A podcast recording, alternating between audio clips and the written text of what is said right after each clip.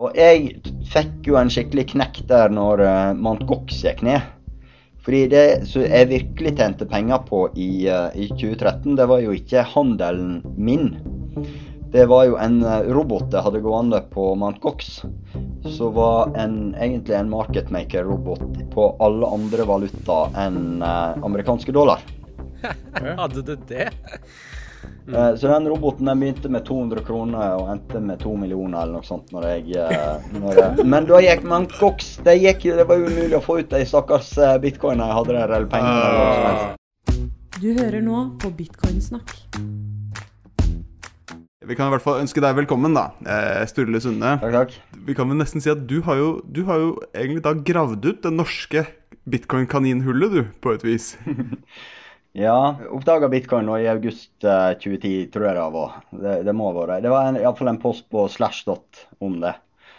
Uh, det var der nerdene gikk for å få nyheter. Egentlig, det var egentlig ganske dødt allerede i 2010, men uh, Men ja, i gamle dager, da. Um, så, så oppdaga jeg bitcoin, og så så jeg på det. Jeg ble veldig fascinert, egentlig. For jeg tenkte, det første jeg tenkte, kan dette her fungere som penger? Um, og betalingsmiddel. Og, eh, og for jeg, er jo interessert i Altså, det, det, det, vekter veldig mange interesser hos meg. Fordi jeg har alltid vært interessert i distribuert databehandling. Eh, synkronisering på tvers av maskiner og alt sånt. Det er et vanskelig problemmåte. Eh, spesielt på når nettene blir lange og trege. Eh, og så har jeg alltid vært interessert i økonomi, og ikke minst hva er penger. Hmm, så jeg begynte å tenke da, kan dette fungere som penger, og jeg konkluderte med at i euro. Uh, du har begrensa mengde. Uh, og det kan brukes som et betalingsmiddel. Lett å overføre fra en plass i, i, verden til en annen. Det er mye lettere enn noen andre penger jeg vet om. Og Så spørsmålet er om det da får en verdi. Og det, om det får en verdi, det er jo da avhengig av at noen Eh, noen ser en verdi i den bruken. da.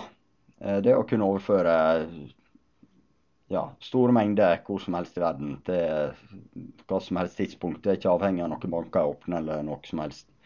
Du er ikke avhengig av en bankkonto engang.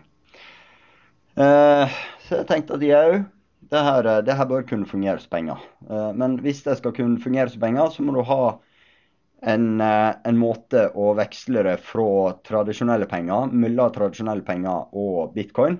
Så det jeg fant ut det skal, skulle være mitt bidrag da inni det der. Så siden høsten 2010 så har jeg veksla bitcoin mellom, ja, mellom bitcoin og norsk krone. Det gikk fort fra, fra, du fant det til du begynte med det? En annen ting, grunnen til at jeg, en grunn til at det gikk fort, var fordi uh, midt oppi dette der, da, det var høsten 2010 det også, så uh, bare Uh, Wikileaks, jeg vet ikke om dere husker det, at uh, de filma uh, De publiserte en video av en journalist som ble skutt. og for det så ble det utsatt for blokade av Visa, Mastercard, amerikanske banker. Mange europeiske banker ble pressa til å være med på blokaden osv. Uh, og, og da så jeg jo faktisk en verdi i det at bitcoin er jo usensurerbare penger. så mm. de som har lyst til å donere til Wikileaks, de kan donere med bitcoin. Så jeg sendte en mail jeg, til. Wikileaks og spurte om ikke det kunne være en idé. Og da bare Ja. Så jeg fikk svar tilbake òg. Uh, eh, men uh, så uh, Ja, det, det var iallfall en, de, ja? en viktig grunn, da. Hva svarte de? Nei, det, det var positivt jeg skulle se på, da. Ja, For Satoshi Nakamoto ja. tok jo stilling til den der, gjorde han ikke det? Ja. Eh, det husker ikke akkurat, det, det var, eh, men det var etter at jeg sendte mailen. Så det, kom det noen sånne advarsler. Nei, vi bør være litt forsiktig med det der. Mm. Men uh, da hadde jeg allerede sendt mailen, så da var det for seint å ja. Men, men jeg bare tenkte på en ting. Du, du sa jo at du, vært, at du var opptatt av økonomi allerede mm. da. og og jeg tenker mange jo, har jo økonomiutdanning og en standard økonomiutdanning, mm. men jeg tror de færreste er opptatt av at det har en begrensa pengemengde. Så hvorfor var det allerede liksom viktig for deg? Uh, nei, det er et godt spørsmål. Jeg, uh, jeg, jo, jeg, var jo ivrig Donald-leser så liten. Jeg vet ikke om du husker den klassiske Karl Barks-historia, eller om dere leser Donald i det hele tatt. Men det er klassisk Karl Barks-historie ja, ja. med de skruer mister alle pengene sine. De forsvinner ut, og det bare havner overalt. Og folk samler det inn og, og fant ut at nå skulle jeg bare slutte å jobbe og ja. Um, bare ha det moro de neste åra. Og, eh, og Skrue var jo da den eneste som jobba. Han starta en svær gard og produserte mat og egg og alt mulig. Uh, og når folk oppdaga at det var jo ingen som hadde jobba, det var jo ingen som hadde produsert den maten de trenger, f.eks., så kunne jo han selge de egga for uh, en uh, sånn ti millioner kroner stykk. Eh, og, og, etter hvert så fikk han jo inn igjen pengene sine. Så, eh, så hvis du har en overflod av penger, hvis du har altfor masse penger, så blir det jo ikke noe verdt. Um, du leste så, Donald så det, litt nøyere enn oss andre. ja. det er utrolig kult. Men eh, altså, det, er ganske, det, er jo ganske, logisk, egentlig. Ja, ja. Altså, for Dette er jo penger som oppstår fra ingenting. holdt på å si. Altså, jeg genererte jo, På den tida genererte jeg jo ei, ei blokk om dagen sant? på den vesle PC-en jeg hadde installert en full node på. Det er jo helt sprøtt å tenke på.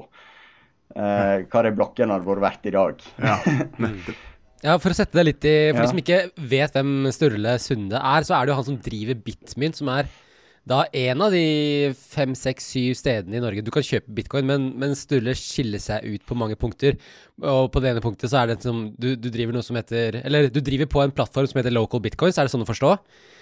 Nei, har, det har jeg egentlig slutta med. Det er mulig jeg skal begynne igjen, men iallfall eh, det det begynte å bli litt masse jobb. Uh, altså, uh, spesielt nå i, uh, i desember, januar så, og februar så har det vært voldsomt mye interesse for bitcoin. Veldig mange som ville handle. Ja, så da handler det med deg direkte? Jeg måtte bare kutte ut noe. Ja, og jeg måtte bare kutte ut noe, så jeg kutta ut local bitcoin. Så nå handler okay. jeg med meg direkte, ja. Mm. ja ok, men bare for, Jeg, jeg syns det her var litt gøy. da, litt sånn, Hvor stort er det å ha deg på podkasten ja. vår? Veldig stort. Du, på, Ifølge local bitcoin da, så driver du med trading volume på 500 pluss bitcoin. Du har 30, over 30 000 ja. confirmed uh, trades med over 7000 forskjellige folk. 100 mm. feedback score. Alle er fornøyde. Um, og du har holdt på. Jeg tror det er et par misfornøyde hvis du leter lenge nok. Men uh, jeg fant ikke det, altså. Men jeg, har vært, jeg var aktiv der veldig lenge. Men eh, det, det, er nok, det, er noe med tidsbruken. Altså. Så jeg fant ut at nå måtte jeg bare kutte ut noe i den verst, når det var kokte så verst. For det, ja. Jeg hadde ingen ledige arbeids, arbeidskapasiteter. Jeg sliter ennå egentlig med å ta igjen en del ting da, som jeg har slurva med de siste par månedene. Er, er, det bare deg, eller har du ansatte? Eh, altså nå i Sunde Bitmynthandel, så er det jeg driver med nå, så er det bare meg. Eh, men jeg har tilsett tre stykk, så nå holder jeg på å programmere på en ny plattform. Som skal bli lagd? Jeg, skal publiseres? Ja. Eh, og så kommer jeg, når den er ferdig for Sunde Det opplegget jeg har nå, det er ikke egnet for å, at andre skal begynne å blande seg inn og, og bruke det samme. Det, det går bare ikke. Uh, så nå, når de er ferdig med den uh, nye plattformen, så tenker jeg at da uh, bare legger jeg ned Sunde Bitmynthandel, og så dukker Bitmynt AS opp som uh, en ny aktør. Eller den som da tar over handelen på Bitmynt nå. Så det er et aksjeselskap, da.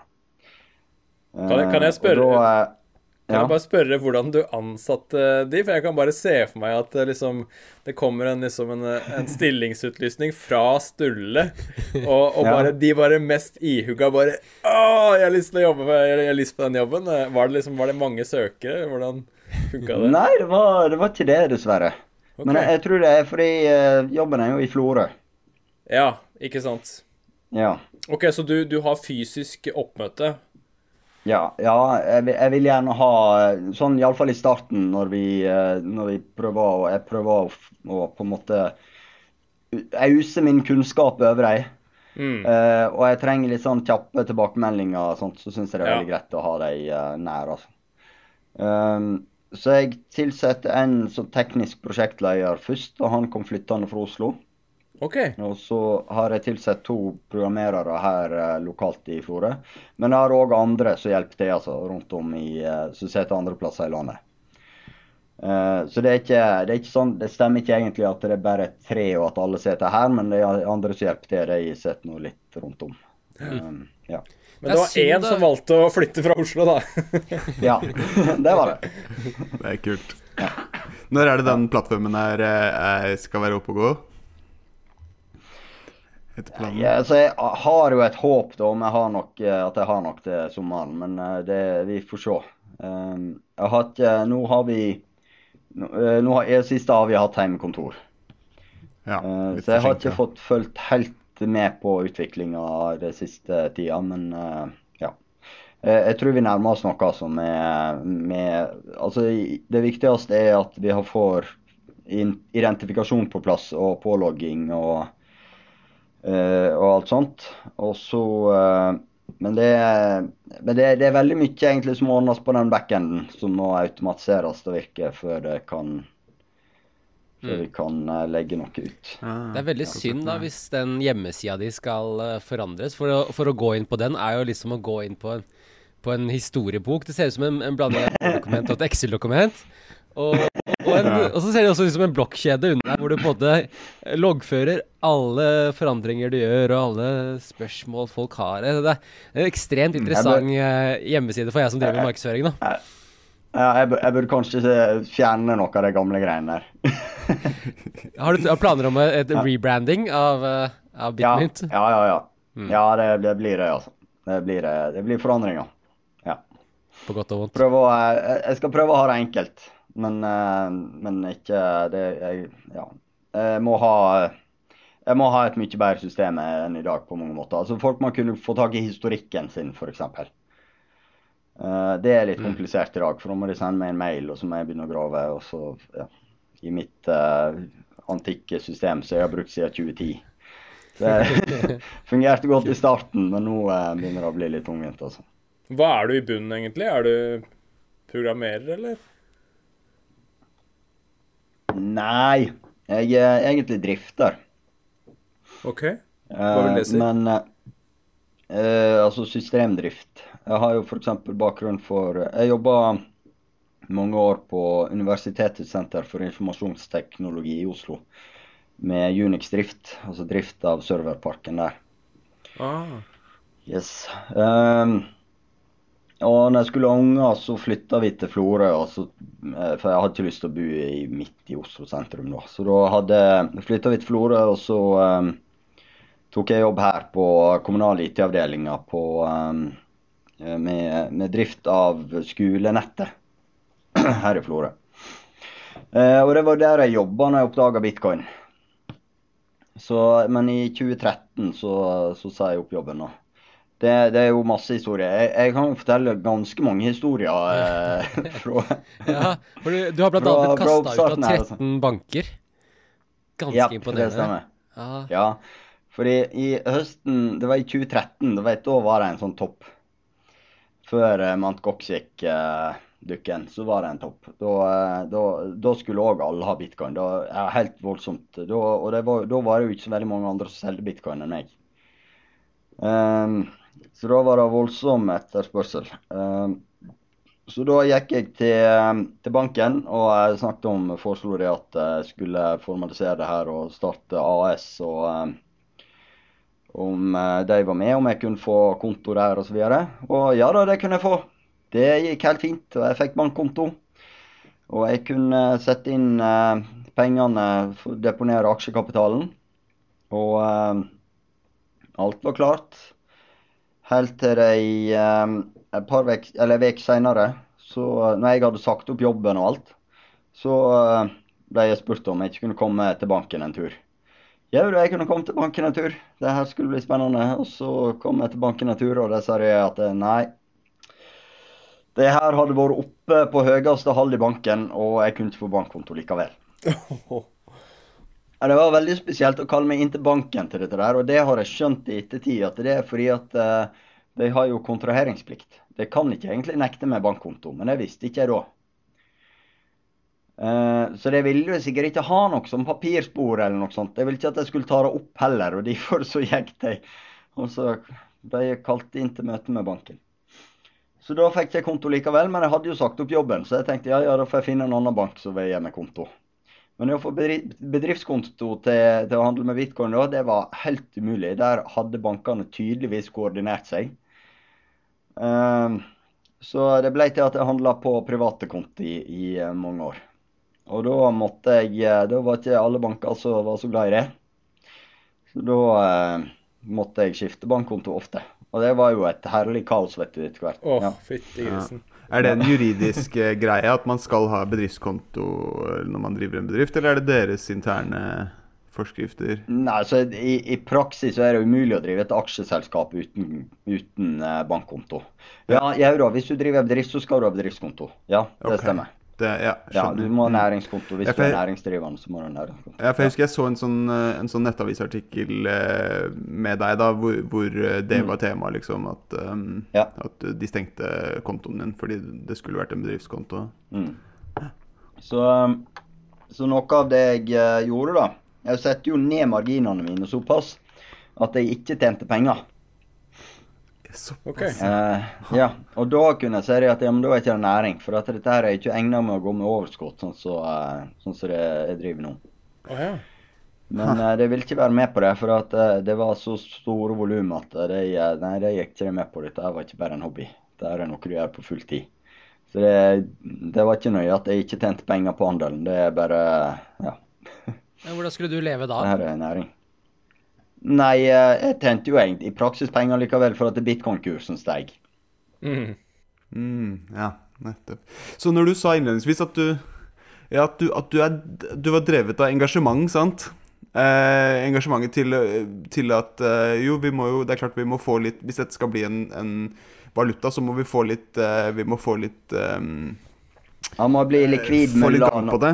Ja, ja. Nettopp. Mm. Så, så, begynner jeg nå å forstå egentlig omfanget av det engasjementet. Da, sant? Hvis, hvis, du egentlig Hvis du hadde bare tatt et baksete der og, og mina bitcoin på eh, laptopen din ja. eh, uten å selge de, sant? og bare hodla, sånn som alle snakker om nå. Ja, ja. Så du ville jo vært Nå vet jo ikke jeg at Nå vet jo ikke jeg forsikrer at ikke du er det allerede, men du ville jo vært Norges rikeste mann du den dag i dag, hvis ikke det var for at du liksom Jeg tok Jeg sjekka nå den, den lommeboka jeg brukte jeg, jeg, begynte vel å bruke henne i desember 2010, tror jeg.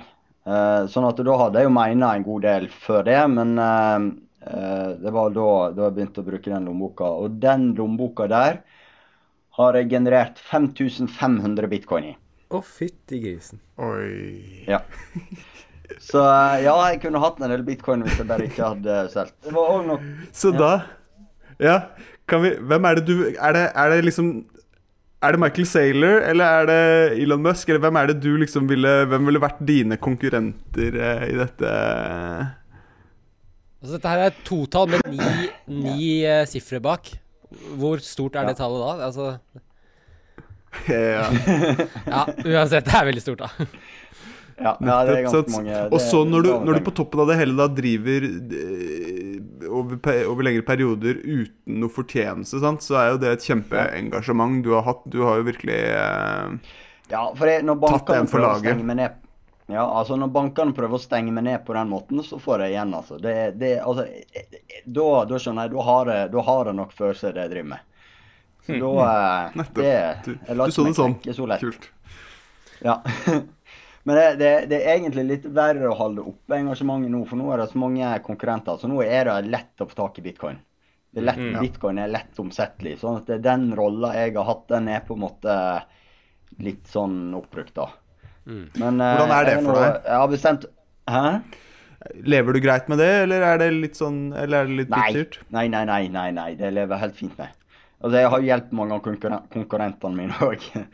Med hjelp dem opp og fram, sånn at de skulle få litt likviditet i starten og, og sånne ting. Så, så, nei, det har jeg ingenting problem Ingen, altså det, det, er jo i tråd med mitt mål sant, om at bitcoin, det skulle være veldig lett å veksle mellom bitcoin og norsk krone. Så, men jeg har en annen jeg har en annen liten kjepphest, og det er at uh, jeg tar jo ikke vare på bitcoin for folk, og heller ikke penger for folk. Altså det, Når det veksler med meg, så er det penger inn og, og bitcoin rett ut. Og, eller bitcoin inn og penger rett ut. Um, Og, og disse fleste, de fleste børser de holder jo på bitcoin. Altså du må deponere penger, og så kan du kjøpe bitcoin etter hvert. eller så og når du har kjøpt bitcoin, så koster det penger å ta dem ut. Hvis du har solgt bitcoin, så koster det penger å ta pengene ut. Det, og det, du, det vil helst at du skal ha penger og bitcoin på den børsen, da, sånn at du, du, du på en måte holdt der og du kan veksle fram og tilbake. Uh, og jeg fikk jo en skikkelig knekk der når uh, Mount Gox gikk ned. Fordi det som jeg virkelig tjente penger på i, uh, i, 2013, det var jo ikke handelen min. Det var jo en robot jeg hadde gående på Mount Gox. Som var en, egentlig en marketmaker-robot på alle andre valuta enn amerikanske dollar. Hadde du det? Ja, og det er, det er, litt sånn vanskelig å forklare dette. her, for at Mt. Gox hadde en litt sånn sær ordrebok, der du hadde ordrebøker i ulike valutasorter, men de møttes på en måte eh, med amerikanske dollar, eller med hverandre, med en 2,5% vekslingskurs mellom valutaene. Sånn at eh, hvis kursen steg eh, på euro eh, for en bitcoin euro, for euro var 2,5% over kursen for en bitcoin med dollar, så kjøpte du rett fra dollarordreboka i stedet for, hvis du da kjøpte. Sånn at min mm. robot han la seg rett inn under der. Han la seg rett, sånn at Den siste du traff på, da med 2,5% margin, det var mine tilbud. Og samme hvis du gikk nedover, så var det òg 2,5% nedover. sånn at Det ble 5 margin til sammen. Det var jo ganske god margin, det. Mm. Uh, så den roboten den begynte med 200 kroner og endte med 2 millioner eller noe sånt. når jeg, uh, når jeg Men da gikk man koks. Det, gikk, det var jo umulig å få ut de stakkars bitcoinene jeg hadde der, eller pengene. Eller ja, for det, er fortsatt en sak å ordne, det. Er det ikke det? Du kan fortsatt få ja, pengene dine? Er det ikke det? Ja, jeg kan jeg har sju, Det skulle med 758 bitcoin. Så ja, ja, ja, ja, Er det noe med at, er det noe med at de Mangox-bitcoinsene har begynt å flytte på seg nå uh, nylig? Syns jeg hørte et eller annet om det. Å oh, ja, nei, det har ikke jeg fått med meg, men uh, det vet ikke jeg.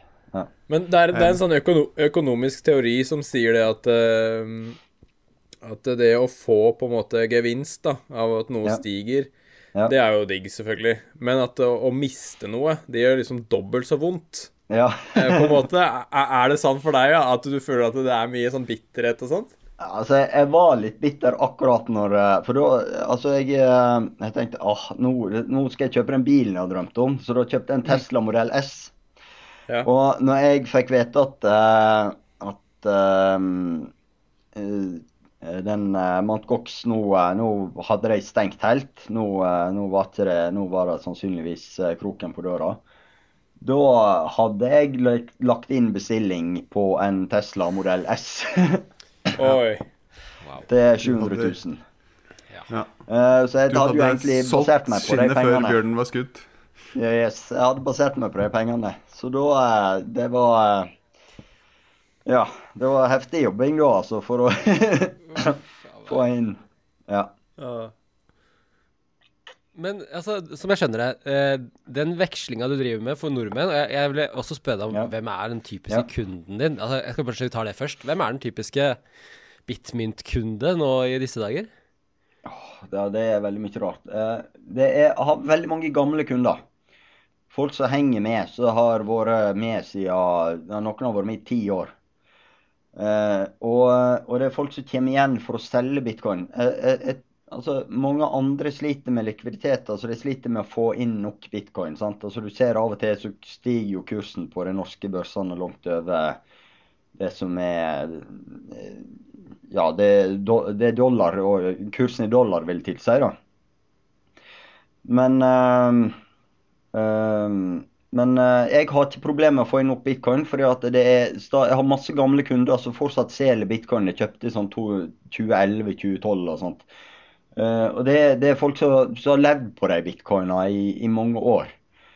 Um, og så har jeg, Men jeg har òg en del nye, fordi du har Hvis du skal ha ti bitcoin, f.eks., Eh, så må du enten overføre pengene til en eller annen utenlandsk børs og sitte med risikoen med at eh, ja, men da setter de på pengene dine, og så skal du må du få ut bitcoiner, eller kan de gå konk, eller du kan få problemer med å ta ut og alt sånt. Det er masse historier der. Um, og det er ikke så veldig mange andre som bare kan tilby 10 bitcoin sånn Ja, vær så god, du kan få kjøpe 10 bitcoin, det går helt fint. Det er ikke så mange andre i Norge som kan det. Hvis du prøver å kjøpe på en av de norske, 10 bitcoin på en av de norske børsene, så presser du kursene høyt opp. Men hos meg får du 10, 10 bitcoin for samme, bitcoin, samme kursen som du får 0,1.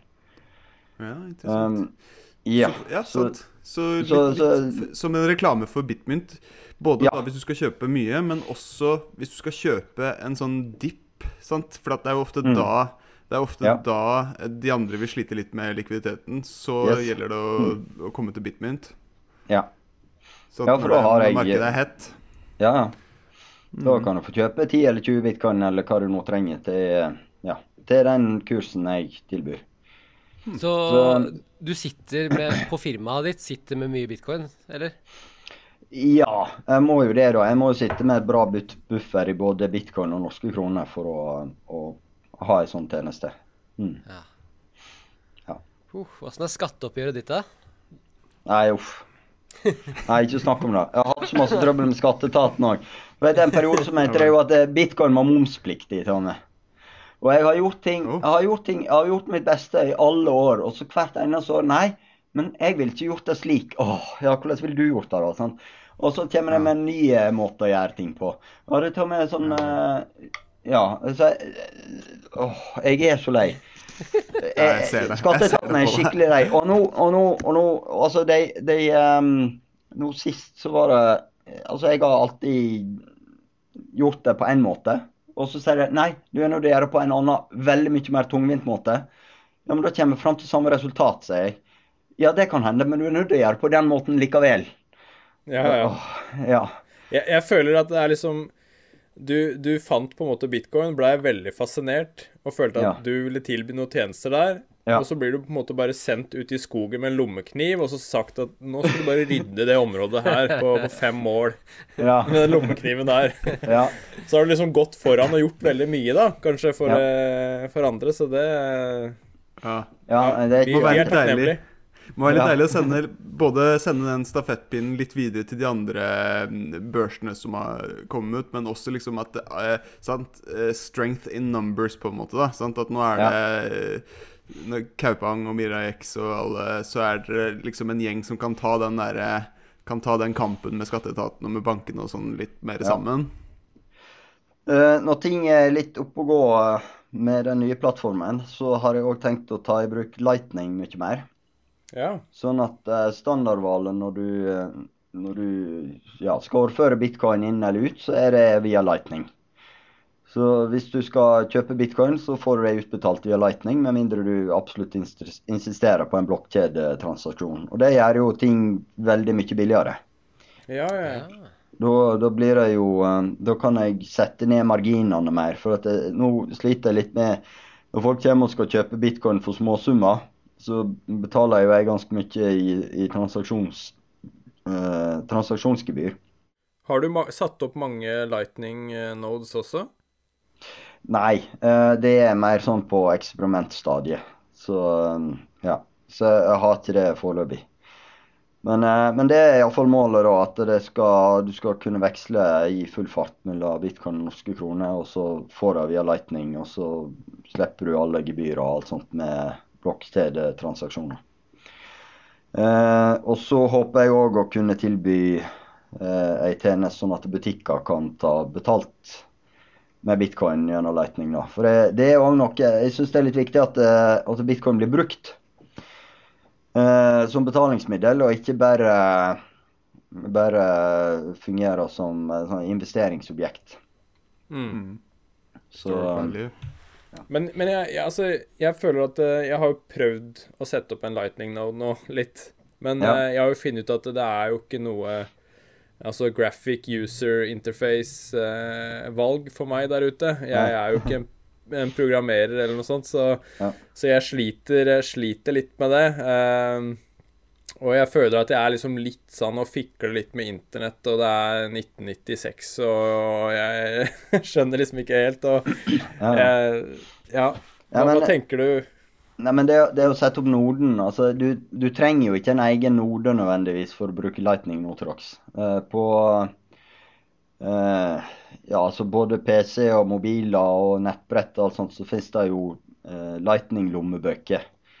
Så, så, bare kontakt en sentral node, eller du kan sette opp Du kan bruke en node som du stoler på. Ja, ikke sant. ja. Men jeg, jeg, tenkte, jeg, tenkte, jeg skulle ja. sette opp en sånn egentlig bruke det til å kommunisere med, ja, med Nikolai ja. og Jens Emil. Da, og bruke den uh, Sphinx-chat. Og så gjøre det på en måte gratis, for da kan jeg jo mm. sette mm. fees til null. da. For Hvis jeg skal bruke en annen sin node, så må jeg jo betale litt uh, hver gang. Ja, det er sant så. det. Ja. Uh, nei, altså jeg har jo ikke aldri hatt noe problem med kommandolinja. Jeg er som sagt gammel drifter, så jeg, jeg trives godt med den. Ja, kult. Men ja. når du lagde den der botten da, på den trading-botten, da måtte du vel ja. eh, programmere i et annet språk? Si, ja, ja, ja. Jeg, da, jeg er som sagt gammel programmerer, og jeg er såpass gammel at jeg skrev den i Pearl. Og jeg brukte to timer på å skrive den i 2012. Okay. Eller var det 2011? Ja, 2012, var ikke det? Iallfall. Eh, jeg, jeg brukte to timer på å skrive den, og den uh, gikk jevnt og trutt. Jeg har brukt litt tid på vedlikehold for å, å sånn, rette opp sånne småbugs og justere litt her og der underveis. Men uh, det er minimalt, altså. Den bare gikk og gikk og gikk og tjente sopa inn penger. Det var moro. Ja, kult. Ja. 758 bitcoin. Uh. Ja. Nei, det var litt kjedelig å miste dem, men uh, sånn går det nå. Men uh, nå uh, ser det ut som jeg får igjen kanskje 20 og da, da blir jeg fornøyd. Ja, det, det, ser ut som de som mista noe der, får litt igjen, ja? Ja, ja, ja. Ser ut som vi får igjen 20% omtrent. Oh, wow. Yes. Så her om dagen, for å på en måte gå i samme fella som jeg gjorde den gangen jeg bestilte meg en Tesla Model S. Så har han nå bestilt meg et elektrisk fly. Eh, med 10 000 dollar i depositum. Ja, Nei, du tuller! E-Flyer 4. En fireseter elektrisk fly. Det er, ikke, det er ikke ferdig ennå, men det kommer i sånn 2022 eller noe sånt. Skal bli sertifisert og alt. Um, wow. Så, altså, da, så, så, nå håper jeg da at jeg får igjen de pengene innen da, men uh, ja. Ja, er, du, er, er, du, pilot uh, også? Jeg har små flysertifikater. Ja, kult. Så, ja, Det er mange år siden jeg tok. Fire seter, sa du? Ja. Legger du merke til hvor mange som sitter i dette chatterommet her? ja. Ja, du har rett i det. Hvor skal vi? Hvor, hvor, hvor, så elektrisk fly, hvor, langt, det hvor langt tar det batteriet oss? Um, fire timer omtrent. Så det Eller hvordan svaret til det, da? 400 nautiske mil kommer jeg iallfall. Um, så, kommer du til Oslo? Det er ganske langt. Ja, jeg kommer lett til Oslo. Ja, visst. Mm. Ja. Jeg kommer til Shetland òg, hvis jeg vil. Wow. Så uh, og, ja, så jeg kan uh, Og til Færøyene, og tror faktisk jeg kommer helt til Island. Ja, det gjør jeg. Det er morsomt, de er målene du setter deg. Altså. Færøyene, Island. Jeg hadde regna sånn Jeg kommer til Berlin, jeg kommer til London. Ja. Men, det, er, det, er der, det, er, ikke der, han har gravd ned eh, på en måte seed-passordet sitt, som er banka inn i noe metall, ikke sant? Det er på Færøyene. på Shetland. Det er på Shetland, ja, Færøyene. Nei, men vi vestlendinger, vi ser vestover, vet du. Ja, ja, ja. ja. Jeg, jeg, føler at det er så mye historier her, eh, Sturle, men jeg aner ikke hvor jeg skal begynne for å finne de. Uh, Nei. Men, Nei, det er altså, et godt spørsmål jeg, jeg, jeg, tenker jo at uh, Altså, jeg Alle vi, Jens Emil og Nico jeg, er jo, er jo veldig nye. Vi, vi kom inn i mm. dette i 2019. Men jeg bare ser for meg Hvis jeg hadde kommet inn i 2013, uh, for eksempel, da. Uh, ja. Og skulle kjøpe liksom bitcoin, og så var jeg veldig usikker på hva det er for noe. Og så skal jeg på en måte bare sende penger til en som heter Stulle, og så skal jeg få de bitcoinsene. Så sender jeg på en måte kanskje 20 000 kroner, og så sitter jeg der, og så ja, får jeg noe, og så Altså, ja, jeg, jeg, tenker at det er sikkert veldig mange som har et sånt ganske sånn eh, unikt forhold til deg, da. Fordi du sitter der og lurer på om du skal bare stikke av med de penga, men så nei da, så fikk du de, og så nei, oi, de så, Altså, jeg skjønner veldig godt at du har en ekstremt høy sånn kundetilfredshetsscore. Når Ja. eh, man ikke helt veit hva man forventer, og så er det liksom Ja, Så en- en leverer du kunde- hver gang. Ja, en kundetilfredshetsscore som grenser til sånn, litt sånn kultstatus. Mm. Ja. ja, det er moro det, da.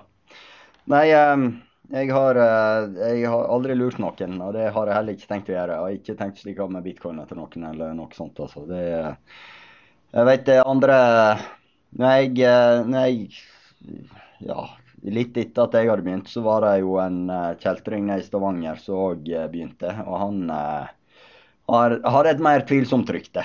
Så så jeg tenkte det òg det at det på en måte Ja, konkurranse er fint, men han, han teller på en måte ikke. For at eh, han, eh, han stoler ikke på. Og eh, den Bitcoins Norway gikk jo òg konk. Og jeg Ja.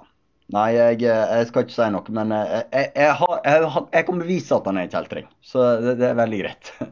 Så det kan jeg si. Men uten å spekulere noe mer hva som skjedde med med, de, med Bitcoins Norway og de bitcoinene som var der. Men, men jeg kjenner jeg er litt sånn mer nysgjerrig på vi skjønner litt eh, på en måte motivasjonen din, sånn hva som eh, Igjen, da, den fascinasjonen av bitcoin og, og Var det sånn at du på den tida så et problem med det systemet vi hadde? Eh, altså, hva var grunnen? Du hadde jo en driver Ja, altså, jeg, jeg, jeg nevnte jo det problemet jeg så med, med Wikileaks. Ja. Ja. Og etter hvert så ble jeg jo offer for det samme problemet sjøl, med at alle bankene boikotta meg. Mm. Uh, så, så ja. jeg har jo da sitt problem med det systemet vi har. Mm. Uh, og det, så bankene og eh, de har jo, de har jo monopol på, på å overføre penger, de samarbeider. Altså i, i Norge, det er jo det er noe som banksamarbeid i Norge, det er jo lov. Det er jo, bankene har jo lov å samarbeide, det er jo helt sprøtt. Mm. Ja, andre bedrifter har jo ikke lov til å samarbeide på samme nivå som bankene har. Så ja. Ja. Det at man den- eh, Leste du den saken i eh, Dagens Næringsliv, var det vel, med en fyr som hadde gjort over 30 000 kryptotransaksjoner, og så skulle han kjøpe seg et Ja. hus, og så skulle han bruke Mm. eh, dette her til, eh, til egenkapital på bolig. Eh, Ja. Han fikk ikke lov til det. Eh, tror Nei. du at historisk sett at du har noe med den avgjørelsen å gjøre? Nei. Nei, jeg tror ikke det. Nei. Nei. For du Eh, saksøkte um, Nordea, du. Ja, jeg gjorde det til slutt. Ja. Tenkte at dette her måtte opp, men jeg, jeg hadde Han eh, advokaten jeg hadde i den første tingrettssaka, han var ikke helt oppe å gå på eh, finansavtalelova, tror jeg vi kan si. Okay. Eller hvitvaskingslova. Han var ikke Så han Det var nå eh, en advokat fann, bare fant her i byen. Første jeg ringte til, bare tenkte kan du ta en sak? Det, det viser seg det var ikke så lurt. Og så fikk jeg jo en veldig mye bedre advokat eh, etter hvert, da, så, så jeg brukte til ankesaker. Men da, eh, da ble det forlik, da. For at det var ny hvitvaskingslov og nytt alt mulig. Og jeg fikk bedriftskonto i en annen bank. Og når vi fikk bedriftskonto i en, i en annen bank, så var jo det eh, Da brukte vi den argumentasjonen som vi brukte overfor Nordea i ankesaker mot Nordea. Eh, brukte vi da for å eh, presse Sparebanken Sogn og Fjordane til å da omsider gi, gi meg konto, bedriftskonto. Så det er der du har konto nå? Det er der jeg har konto nå, ja. Det er den banken som, som sparka meg ut i 2013. Ja, med, med dette her møtet. Ja, muntlige, min lokale bank. Men, men det er òg det, min lokale bank, de vet at jeg ikke er en kjeltring. Sant? Eh, Det er litt greiere det kanskje enn eh, for Nordea, for jeg uh, kjente jo ikke meg fra før. Uh, Sånn sett. Men Sparebank Sogn og Fjordane, er det en del av Sparebank 1? Nei. Nei, OK. Nei. Det er en egen. Nei, det er, Tror det er en tror du- stor, egentlig, regional Det er en av de største sånn regionale sparebankene, tror jeg. Det er fordi du er kunde der, da. ja. ja, ja. Kan, kan, du ha gjort de litt bitcoin-vennlige? Er, er, det kanskje sånn at de som, de som, sitter med overskudd fra kryptotrading, kan prøve seg der hvis de skal finansiere en bolig? Nei, det tror jeg ikke. Ah, ok. Nei. Nei, altså Hvis du har lokal tilknytning, så kan du prøve det der. Hvis ikke, så uh, tror jeg at uh, Nei, jeg tror ikke det er spesielt kryptovennlig, egentlig. Men det ble noe praktisk talt tvunget til. da. Altså, vi, vi, tror, vi, vi sendte jo dem en Ja, vi faktisk Vi, vi gikk jo til sak mot dem òg, det har jeg tenkte meg om. Men det ble ikke noe av rettssaka. Altså, Sparebanken Sogn og Fjordane ga seg før rettssaka. Det ble noe brev fram og tilbake mellom advokatene, og så eh, ga de seg. Men det høres ut som det har blitt noen ganske heftige advokatutgifter på deg, da? Det har det blitt. Ja. Det, det har ikke noen billig fornøyelse å få rett i Norge. Nei. Nei, det er det ikke. Jeg, jeg føler liksom når eh, hver gang, eh, hver gang, eh, I USA, da, hver gang noen sier at ja. de har vært i militæret, så sier alltid liksom oh, 'Thank you for your service'. Og jeg, jeg, føler at det er liksom litt sånn at, uh, vi, at jeg, selv om jeg kom liksom inn i 2019, så var det sånn Thank you, thank you for your service. thank you for your service. Ja. ja, du har gjort ja, mye for Bitcoin Norge. Eller Bitcoin i Norge. Ikke Bitcoin Norge. ikke, ikke, Bitcoin Norge, kanskje. Nei, kanskje ikke. Ja. Nei, det har vært moro i mange år. Så mm. Men hva er det som driver deg nå, på en måte? Du, du sa jo det at uh, i starten så var det jo ingen. Mens nå ja. er det jo kommet mange. Og hva, hva, er liksom motivasjonen nå om dagen? Ja, jeg, jeg, for å være helt ærlig så har jeg slitt litt med å finne motivasjonen de siste, siste par åra. Altså, egentlig etter at jeg fikk bedriftskonto og de kampene var vunnet. For da, mm. da sånn åh, ja, nå sitter jeg der, og nå, nå, kan jeg egentlig begynne. Men øh, nå, øh, nå, kan jo alle begynne. Sant? Og så, det, så begynner andre å komme opp med gode tjenester osv. Så, så, så det som jeg egentlig driver med nå, det er at nå, nå må jeg få opp et eller annet, så jeg kan levere videre, på en måte. Så kan drive seg sjøl videre og ikke være avhengig av meg. Mm. Fordi det, jeg tror det varemerket er verdt en del. Altså Bitmynt nå og, og de mm. greiene. Altså hele, histori hele historia er verdt en del. Mm. Uh, Kundeporteføljen din og ja, så jeg, så jeg, har et mål egentlig om uh, å nå komme opp med og så få, få til ei sånn, uh, god vekslingstjeneste. Så jeg er kjapp og effektiv og kan veksle begge retninger. Og der uh, jeg har fortsatt som mål å ikke ta vare på penger eller bitcoin, bitcoin for folk. Sånn at eh, folk veksler direkte, og så, og så får de pengene og de får bitcoiner. Og det skal helst gå enda fortere enn i dag. Nå um, Og så um, um, Og så har jeg mål om at det skal drive seg sånn at det går i, i null eller et lite overskudd. Sånn at eh, jeg har råd til å lønne folka som jobber i selskapet. Og så kommer jeg etter hvert til å rett og slett trekke meg ut og begynne å jobbe med andre ting, tror jeg. For at jeg, jeg begynner å bli lei av å sitte og veksle bitcoin hele dagen. Ja, ja, ja. ja men det skjønner jeg. Ikke, ikke så gøy å veksle bitcoin når det står et elektrisk fly i uh, garasjen.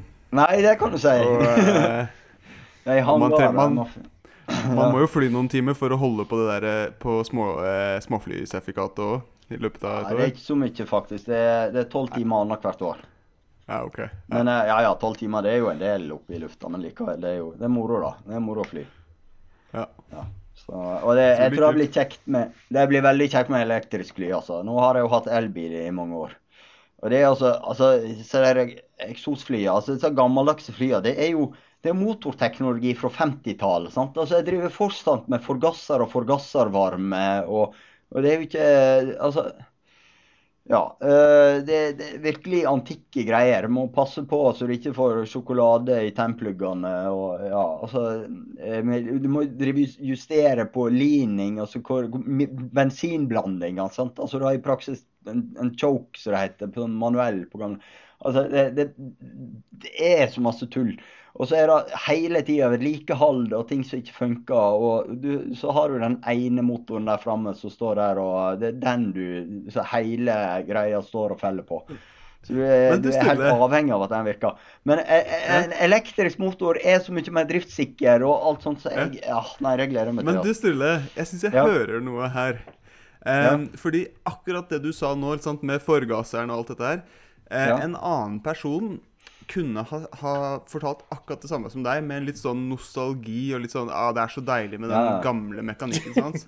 Jeg syns jeg, jeg, hører at, at eh, på en måte du fungerer sånn at, at alt som er nytt og effektivt på en måte, og spennende, det, eh, det opptar deg. Det, dit går du. Ja, ikke absolutt alt, men eh, ja, det er helt sant. Jeg, eh, jeg er litt eh, Ja, jeg er ikke så, jeg er ikke så veldig nostalgisk for uh, spesielt motorer. Sant? Altså, det, det, er litt sånn uh, mekanikk som bare kan bli ødelagt. Det er litt sånn skrivere. Oh. ja. ja, nettopp. Det er òg mekanikk. Så, så, ja. Så en, en, ting jeg liksom har um, uh, Og det var faktisk um, Det var en liten utveksling på, på Twitter da, hvor det var hvor det var noen som Fordi jeg, jeg, hadde et spørsmål om noe og prøvde liksom å fiske litt etter hva folk, hva folk tenkte. Hva er det ved hva er det liksom ved personligheten til folk som er opptatt av bitcoin, som forener dem? Eller går det an å, det an å, liksom å, å finne et trekk i personligheten som liksom forener eh, bitcoinere? da? Og da var det noen som foreslo åpenhet for nye erfaringer, at det kunne være, det kunne være liksom en sånn, litt sånn fellesnevner. da. Det slår meg litt sånn ut fra, ut fra det du, det du, måten du snakka om, om, eh, om elflyet ditt på. Jeg ville tenkt at du kanskje scorer litt høyt der. Det, det tror liksom, jeg òg. Frem... Har du inntrykk av at, det gjelder for, for andre i bitcoin-communityet? Ja, ja, spesielt i starten.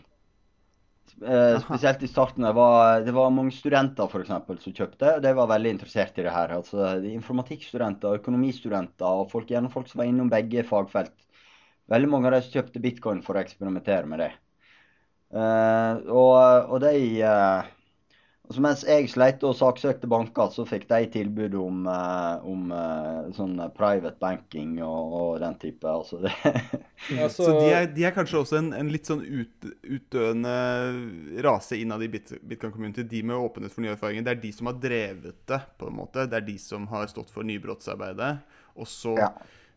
Og så kan det være at mer og mer nå så kommer det folk inn som med, med litt sånn FOMO og eh, ja og, Nå begynner det å komme inn i en del som ikke har noe uh, greie på det. og Vet egentlig ikke hva det er for noe, men de kjøper noe likevel for å være sikker. Altså, ja.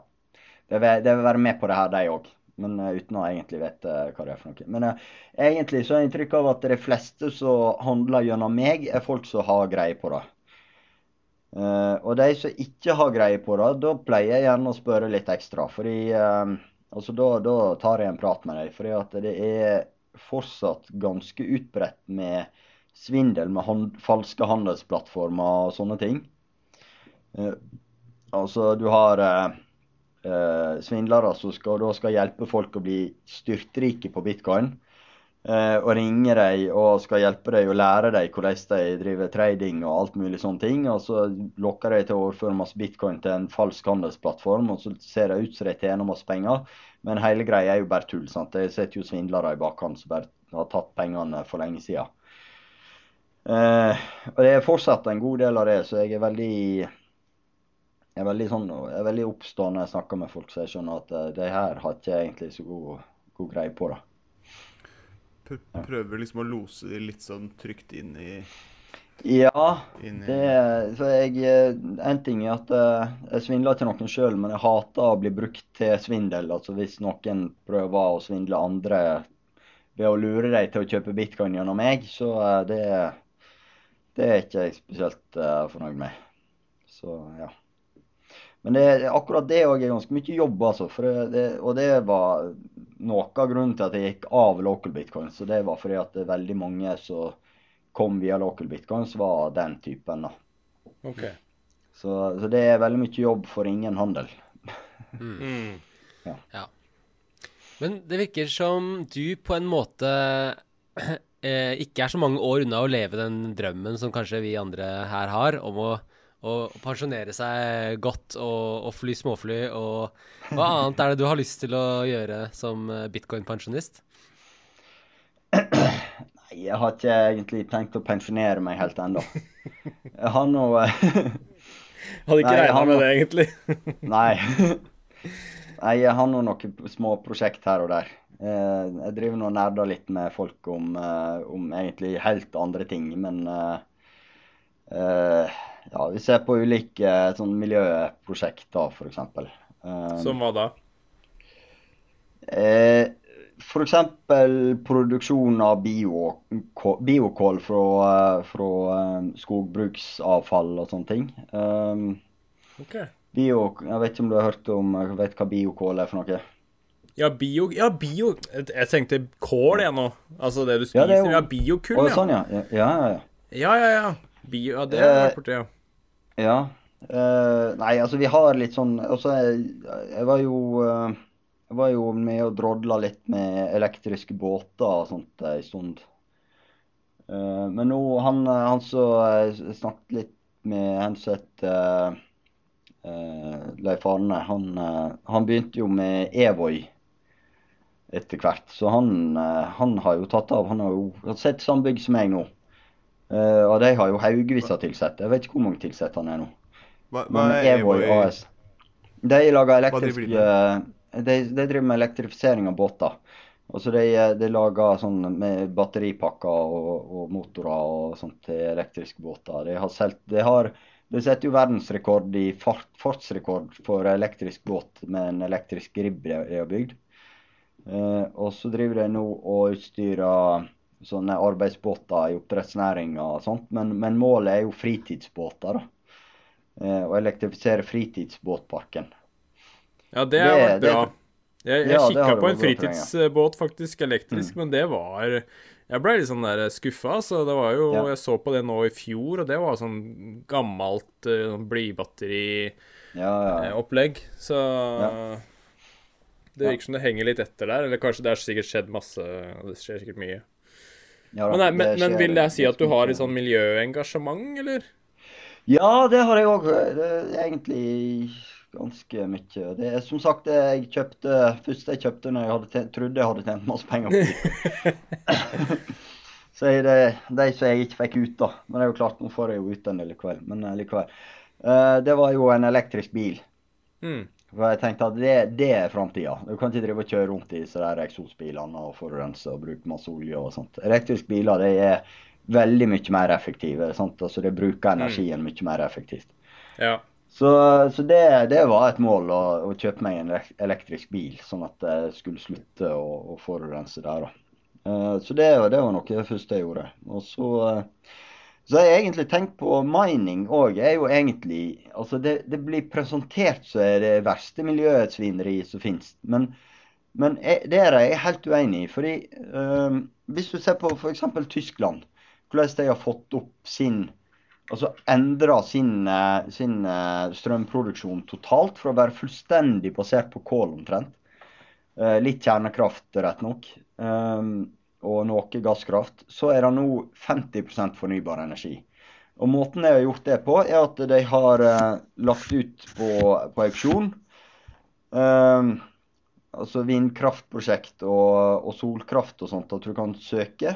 Og så søker du med en minstepris. Altså hvis jeg skal starte der, så vil jeg ha minimum så og så masse for strømmen. Eh, og der er jo egentlig mining perfekt. For hvis du har et kraftverk Oss si at du har et uh, lite småkraftverk med, med noenlunde god uh, kapasitetsfaktor, altså at det produserer mesteparten av tida, så kan du sette opp en liten container, en sånn 20 fots container med, med minere rett ved sida av. Kobla rett på kraftverket uten å gå via nettet, så du slipper all nettleie og alt sånt.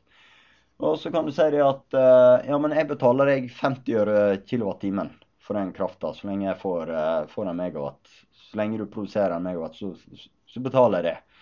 Hvis noen andre betaler det mer enn 50 øre, så stenger jeg ned. Så kan du selge den på, uh, til, på markedet så er jo det en sånn måte du kan lage en, en minstepris på, eh, på, fornybar energi. Så, eh, så, jeg tror at mining, det og, og, det er jo i praksis det som skjer i Kina òg. For disse minerne de holder jo til Jeg husker ikke hva den provinsen heter, men den er, ligger rett under Tibet-platået. Og der er det voldsomt med smeltevann hver eneste sommer som renner ned. Og så er det vannkraftverk overalt, men det er veldig sånn sesongbasert. Altså det produserer jo mest i smeltesesongen. Og da er det mye større produksjon enn det klarer å bruke. Og da strømmer disse minerne til. og ser du at nå har jo hersraten gått ned en del. Men eh, det er, det er fordi at nå flytter alle til den provinsen, og så venter de på at smeltevannet skal komme. Så nå kommer hasjretten til å stige ganske mye utover eh, våren og sommeren fordi eh, det smeltevannet kommer. Sant? For at de, og de, de, sørger for at det blir bygd ut mer vannkraft fordi de gir den vannkrafta en verdi. Og så ser du disse, der, disse alarmistene som slår opp at ja, men, men bitcoin er så forurensende fordi at veldig masse meninger skjer i Kina, og der er strømmiksen sånn så ser jeg jo ikke på hva strøm de mener han faktisk bruker. Og det er jo ikke den strømmiksen som er der. Det er jo, for Kina har jo åtte separate strømnett eller noe sånt. Det er jo ikke sånn at strømmiksen i, eh, i, nord er den samme som strømmiksen i sør. Det er jo det er ikke mulig, sant? for det er jo ikke kobla sammen engang. Så, eh, så det er jo eh, Ja. Så jeg, jeg, jeg er litt provosert. en vakker dag når jeg får tid, så skal jeg sette meg ned og begynne å skrive litt avisinnlegg og prøve å forklare folk hva, hvordan dette der egentlig henger sammen. For at politikerne nå er jo helt tullruske. De, de har jo et helt merkelig bilde av hva bitcoin er for noe. Ja. Så, ja. Der har jo faktisk eh, der har faktisk Anders ja. kommet deg eh, litt i forkjøpet. Det, det, må jo være litt uh, gøy, Anders, å være den som kommer Sturle i forkjøpet. ja. ja jeg, for jeg, jeg, har skrevet en sånn tweetstorm om det der med energi. Jeg kan dele den med deg eh, nå i etterkant, da. Men jeg er helt enig, og det syns jeg er utrolig fascinerende, altså. For det, det, er veldig interessant for meg å høre at du er miljøengasjert, for jeg er jo veldig miljøengasjert. Og jeg syns det er veldig, veldig fascinerende at uh, de på en måte majoriteten tenker at det her er svindel. Det er et pyramidespill. Det er helt forferdelig for miljøet.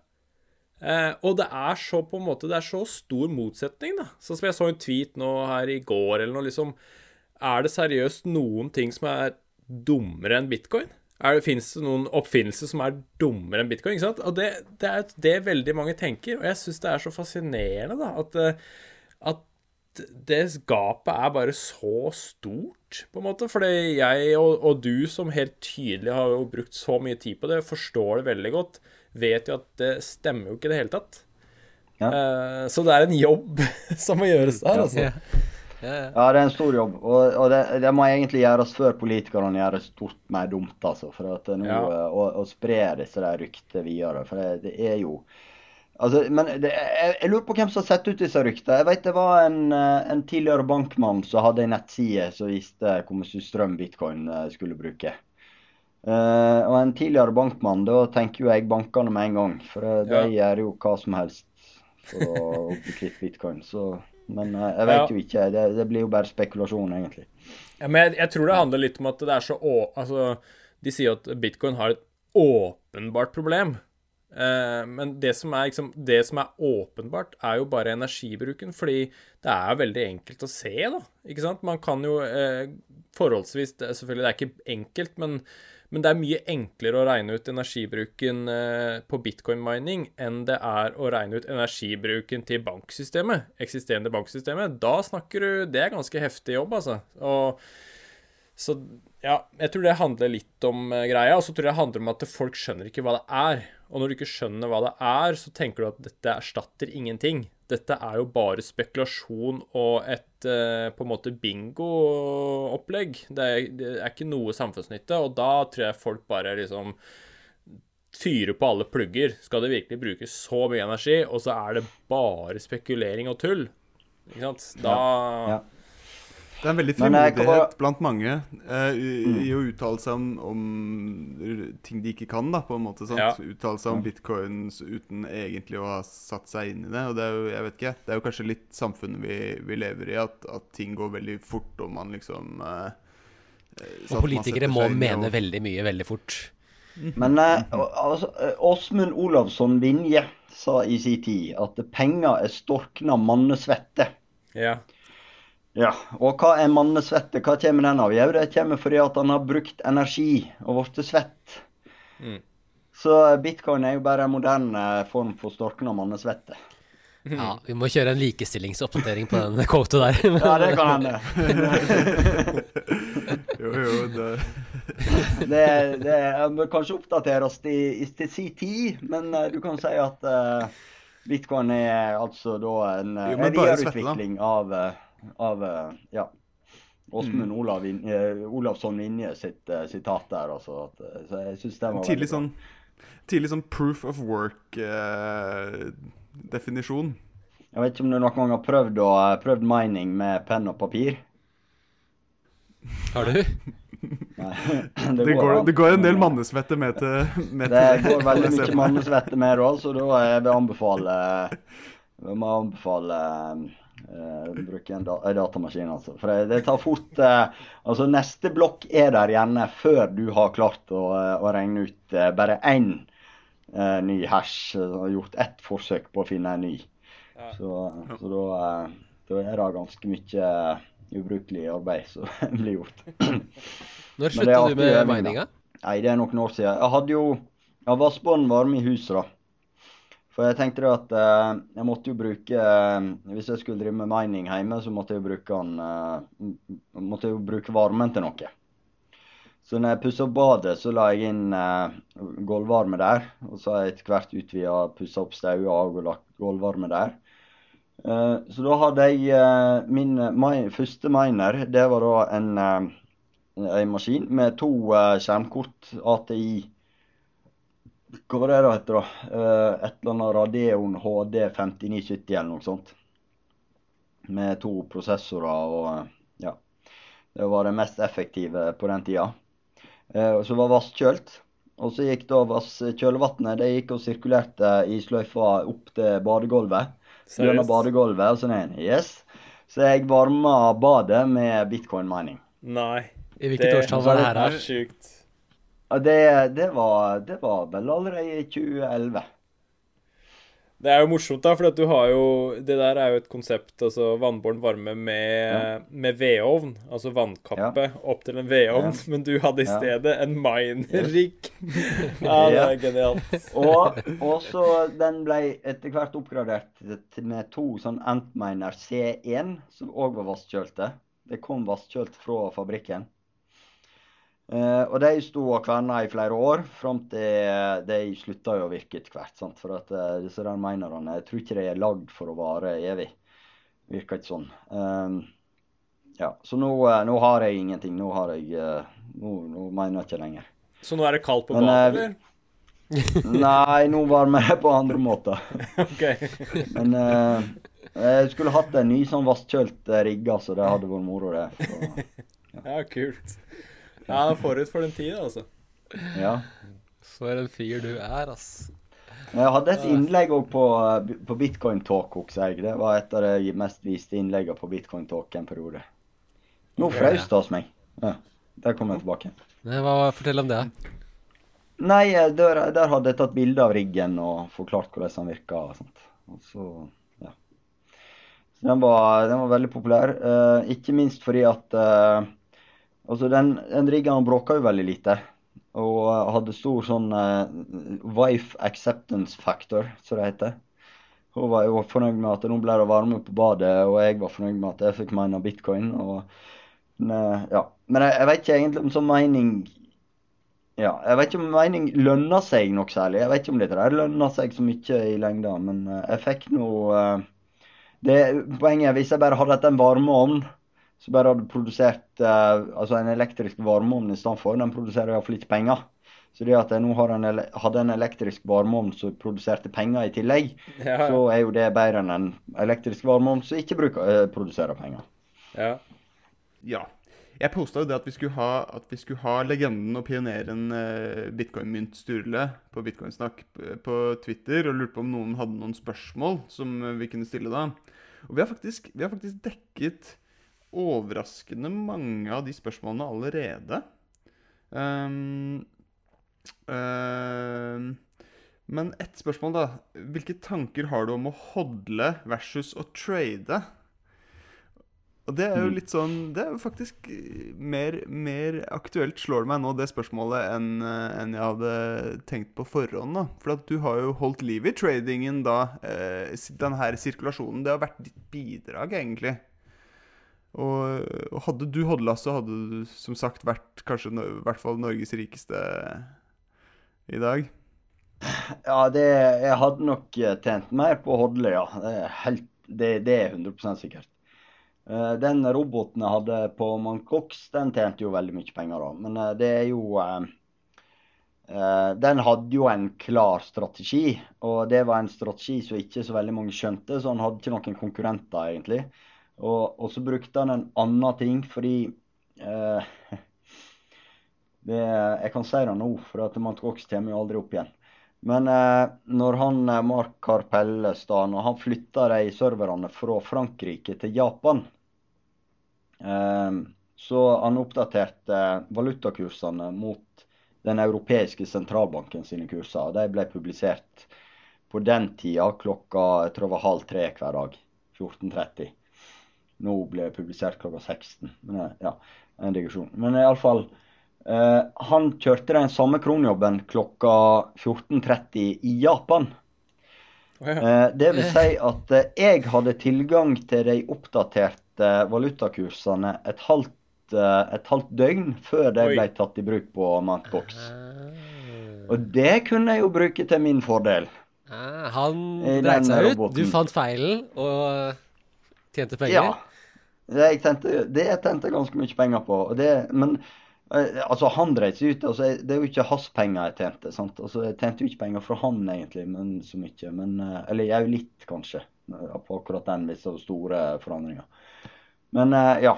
Det, det er iallfall òg en ting jeg kunne bruke. da. Sånn at den, den roboten den tjente altså i søkk og kav med penger. Den sopte inn. Så jeg skulle gjerne hatt flere børser av den typen. Det, men eh, den, eh, den, sjansen byr seg vel ikke igjen. Men eh, har du, har du, en god strategi, har du en god strategi, sånn handelsstrategi, en som virker, så bare skriv en robot som gjør akkurat det du hadde tenkt. Altså. For det, det, er mye, mye, mye mer effektivt enn å sitte og, og, og sitte der og handle manuelt. Så hvis du mm. absolutt må handle så bare, Men så hodler du mesteparten, og så ser du og handler der med litt, og så ser du om det virker. Hvis det virker, så kan du eventuelt gå inn med mer. Men det jeg fant ut med den roboten min, var at det er veldig begrensa. Altså, du kan ikke gå inn med uendelig mye. Altså, han, han, tjener bra opp til et visst punkt, og så begynner det å begynner han å bli en sånn kval som så egentlig bare har problemer med å bli kvitt bitcoin når og, altså, ja, han han har veldig masse dødkapital da, som ligger der, så da er det bare å ta ut og hodle istedenfor å hodle for all del i egen lommebok og ikke stol på noen børs. Ja. De kan bli rana. Not your, not your keys. Du har, du har ja. faktisk kjent det virkelig på kroppen, da. Det har jeg virkelig, altså. På, eller i ja. garasjen. Ja. ja. 6 rente på BlockFi eh, frister ikke deg, Sturle? Nei, da skal jeg ha nok penger til at jeg kan investere, sette inn bitte litt på BlockFi, og så heller resten i egen lommebok. Det går jo, det. Jeg trenger ikke å Men eh, nå er det vel begrensa hvor mye du får 6% rente på. Ja, er det 6 rente lenger, forresten? Ja, eh, det er kanskje gått akkurat ned også. Ja, ja ok. Akkurat ned til 5 nå.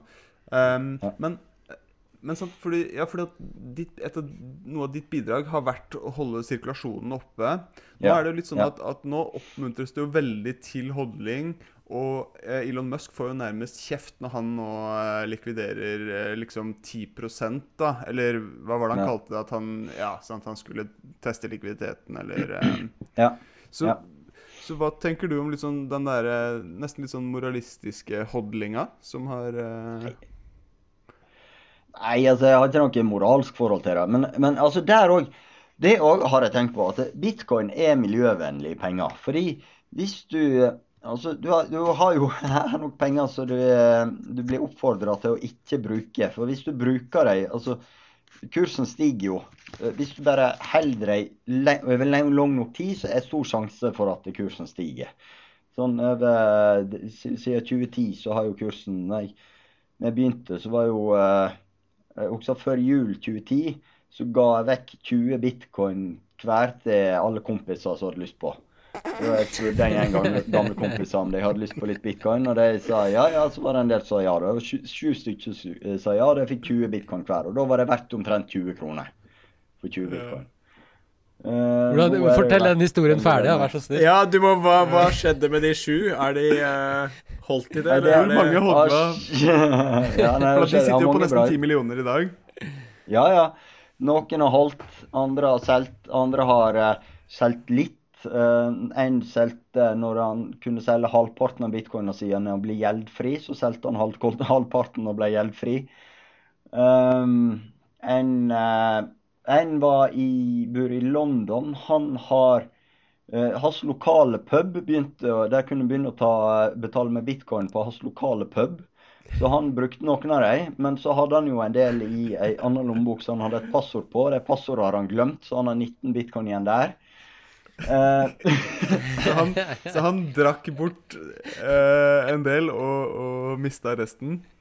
Ja, jeg kjøpte, kjøpte nettopp eh, en bitcoin for et par millioner av en kar som hadde kjøpt seg Eller han, eh, han fant ut at nå, nå hadde han litt for mye penger i bitcoin i forhold til hva han hadde i andre ting, så nå uh, skulle han selge litt.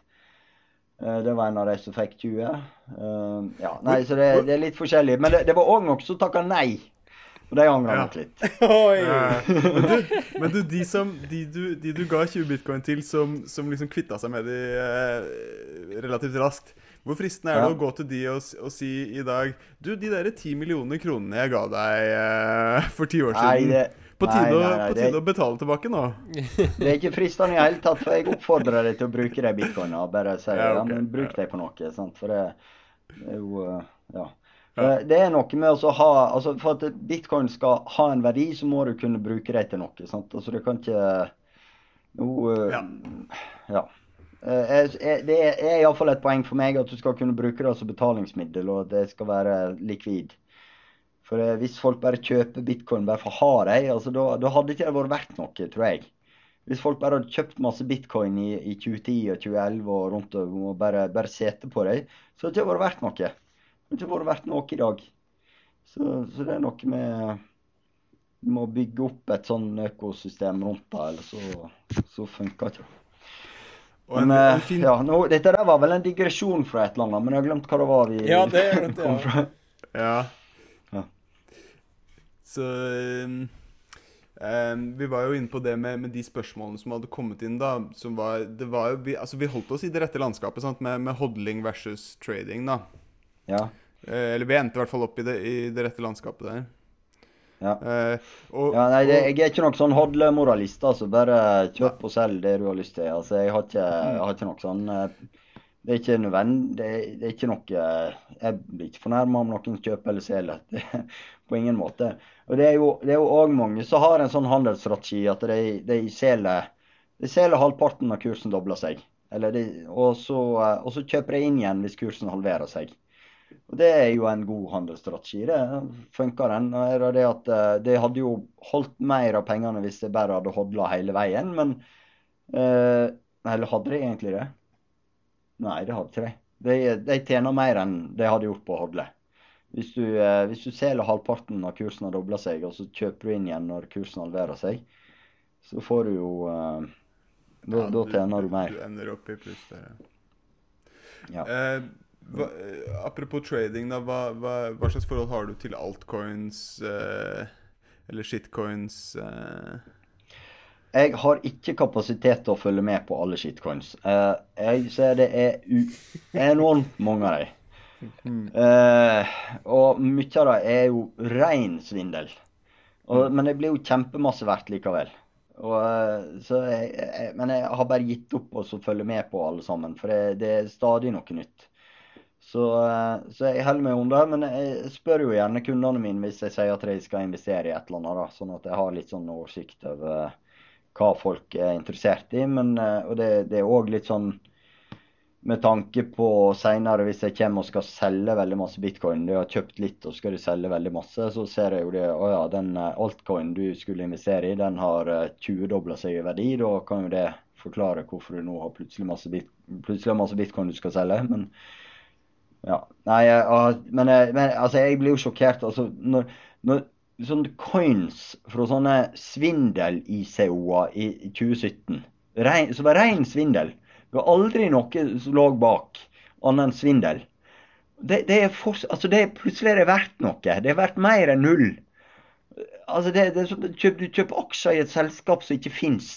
Altså, og så stiger kursen. Altså det er helt latterlig. Altså jeg blir og det er jo kanskje et tegn på at nå eh, tror jeg at en eller annen topp er nådd, altså. Ja. Uh, ja.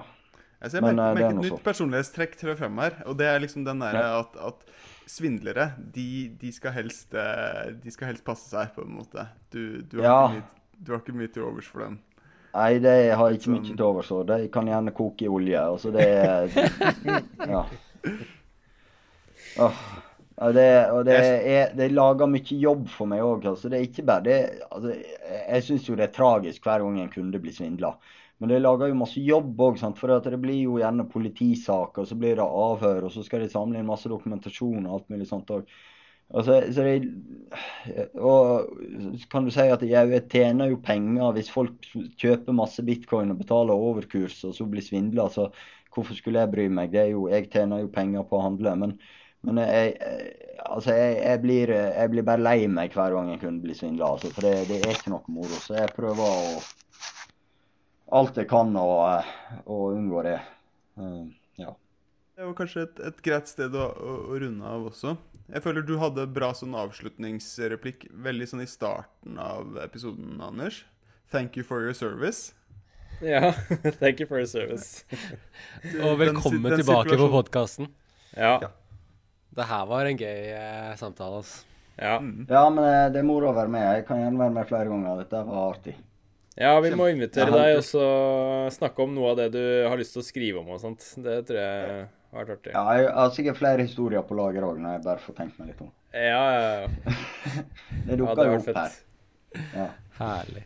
Herlig. Mm. Ja. Utrolig kult. Apropos, jeg har noen noe alpakkasokker hjemme. Jeg vet ikke om dere har hørt om dem? Alpakkasokker, ja.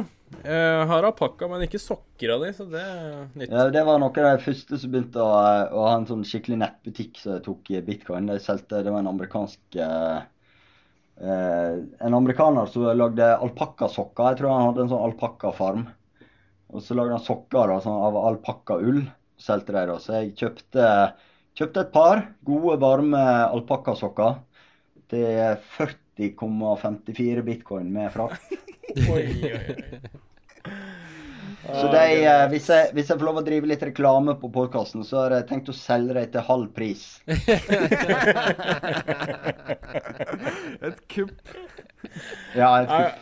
Kanskje, kanskje, Kjell Inge Røkke er interessert som et kunstverk eller noe sånt, som man kan ramme ja, ja. inn og ha, ha, på veggen sin? Yes. jeg har nå kjøpt ramme, så skal, de skal rammes inn og ha på, ha på veggen, ja. Så kan, du bare, så kan du bare ta bilde av det i høy oppløsning, og så kan du bare brenne det bildet og så selge det som en sånn NFT. ja, det, det jeg, har, jeg har vurdert det. altså. Det bør bli en veldig dyr NFT. Så ja. ja ikke sant? Kanskje dere kan selge den for full pris. Vi får se. Ja. ja, bra. Ja. Det var kjempeartig å ha deg på. oss. Ja. ja, det var moro å være med. Du hørte på Bitcoinsnakk, og hvis du vil kjøpe bitcoin, vil vi anbefale Myrai X. Bruk lenken i beskrivelsen, så får du og vi litt ekstra satoshis.